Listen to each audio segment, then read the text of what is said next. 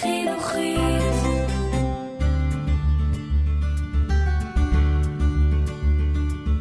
המדריך לשביל ישראל, פרק 27, מבית גוברין לתל קשת, עם יואב גלזנר. שלום לכם. את הפרק הזה של המדריך לשביל נתחיל בצומת בית גוברין ונסיים בתל קשת, לא רחוק מקריית גת. זהו יום הליכה קל יחסית ומלא בעתיקות, שבמהלכו נעבור בכמה טילים ארכיאולוגיים חשובים מאוד ובמערות מסתור מימי בית שני.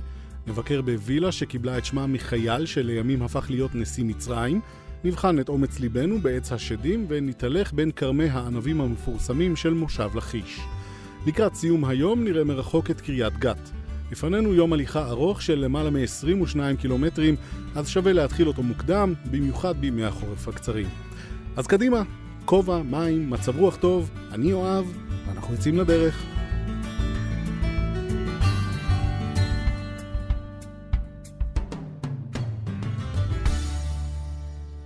נתחיל את המסע של היום בצומת בית גוברין, ונמשיך את הסיור ברחבי הגן הלאומי בית גוברין, שב-2014 הוכרז על ידי אונסקו כאתר מורשת עולמי, שנועד לשמר את תל מרשה ואת החורש הטבעי באזור. בתל מרשה נמצא עיר מימי בית ראשון, שנחרבה בשנת 40 לפני הספירה, במהלך מרד החשמונאים בהורדוס. כדי להיכנס לכל המערות ולראות את העתיקות מקרוב, תצטרכו לסטות קצת מהשביל, אבל הטיול המרתק אל תולדות הפרק הזה בהיסטוריה הארץ-ישראלית שווה כל רגע ושווה גם את דמי הכניסה. ברחבי הגן נראה אין ספור מערות מסוגים שונים, ממערות פעמון ומערות קבורה צידוניות ועד מערות קולומבריום ומערת המבוך, שכוללת מסלול תת-קרקעי בבורות מים. על פני הקרקע נבקר גם בבית מרחץ ומבצר צלבני. בגן בית גוברין נמצא האמפיתיאטרון היחיד בארץ שפתוח לציבור. יציאיו הכילו כ-3,500 מקומות ישיבה מסביב לזירה, שבה התרחשו קרבות בין גלדיאטורים וחיות טרף, שאוחסנו בחללים מיוחדים מתחת למתחם. באמצע המאה השנייה, כשהאימפריה הרומית שלטה בארץ ישראל, הוקם בבית גוברין האמפיתיאטרון. מקור המילה אמפיתיאטרון מגיע מיוונית, ומשמעותה הוא שילוב של המילה תיאטרון והמילה אמפי, משני צדדים. ברבים מהאמפיתיאטראות ברחבי האימפריה התרחשו קרבות אלימים. ברובם השתתפו גלדיאטורים שנאלצו להילחם זה בזה או בחיות טרף אימתניות. האמפיתיאטרון הורכב לרוב מארבעה מסדרונות מקורים שהובילו את הקהל אל שורות המושבים. במרכז הזירה בנויה מערכת תת-קרקעית בצורת צלב, בה שהו חיות הטרף לפני הקרב.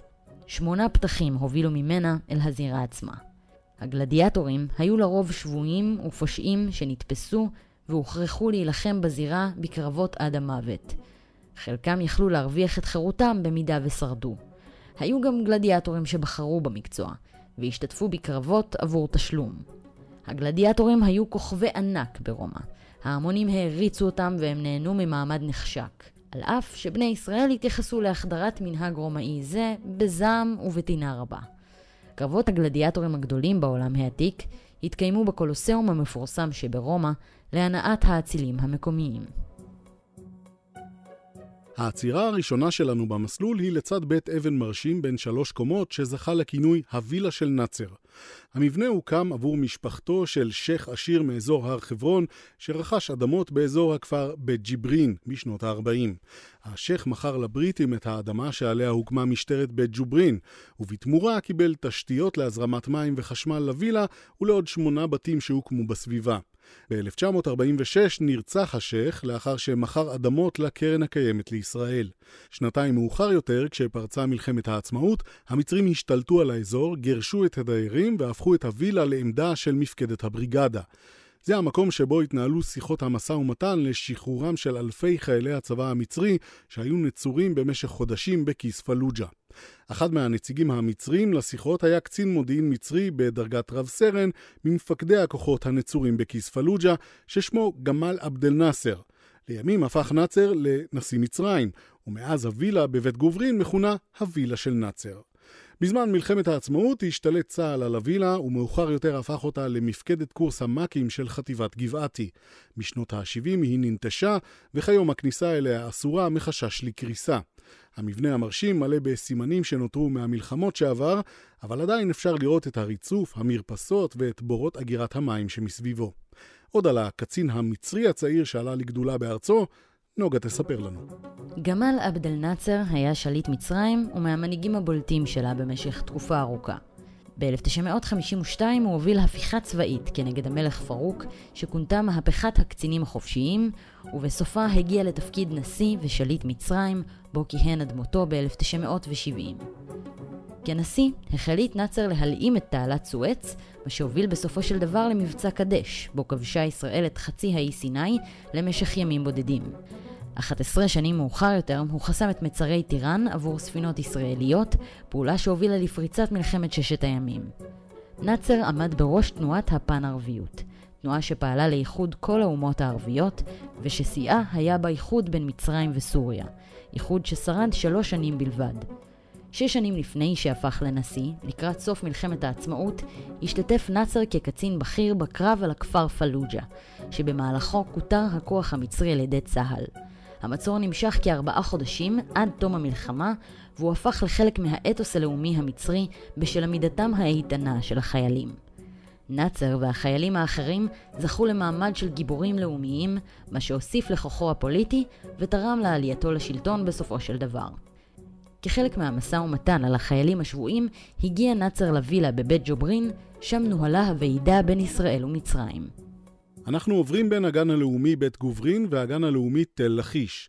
אם בחרתם שלא להיכנס אל השמורות, אתם ממשיכים איתנו לכיוון דרום-מערב על גדת נחל מרישה, ואז אל תוך יער לכיש. נחלוף על פני כמה חורבות, נראה שרידי מבנים ומערת קבורה, לפני שנגיע אל תל לכיש, המזוהה עם העיר המקראית לכיש. כדי לעבור בתל נאלץ לסטות קלות מהשביל, אבל הסיבוב לא גדול. החוקרים סבורים שהייתה כאן התיישבות רצופה יחסית מאז התקופה המקראית הקדומה, בערך באלף השביעי לפני הספירה, ועד התקופה ההלניסטית, במאה השלישית לפני הספירה. אז נחרבה העיר על ידי סנחריב, מלך אשור. אחד הממצאים הארכיאולוגיים החשובים שנחשפו בתל הוא תבליט המתאר את כיבוש לכיש הקדומה. במקום נמצאו גם מכתבי לכיש, התכתבויות בכתב עברי קדום על שברי חרס שנתגלו בחפירות ב-1935. אם הגעתם לתל, תראו פה את שער העיר, שרידי מקדש קדום, ואת שרידיו של ארמון המושל מתקופת ממלכת יהודה. מהארמון נראית תצפית יפה עד הר חברון במזרח וחוף הים במערב. תל ארכיאולוגי דומה לתיבת אוצר היסטורית שמסודרת בשכבות.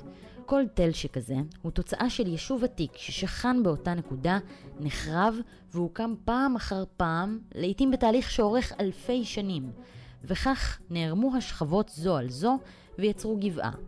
חפירה ארכיאולוגית בתל שכזה על ידי קילוף זהיר של השכבות מאפשרת לקבל חתך היסטורי מדויק של המקום.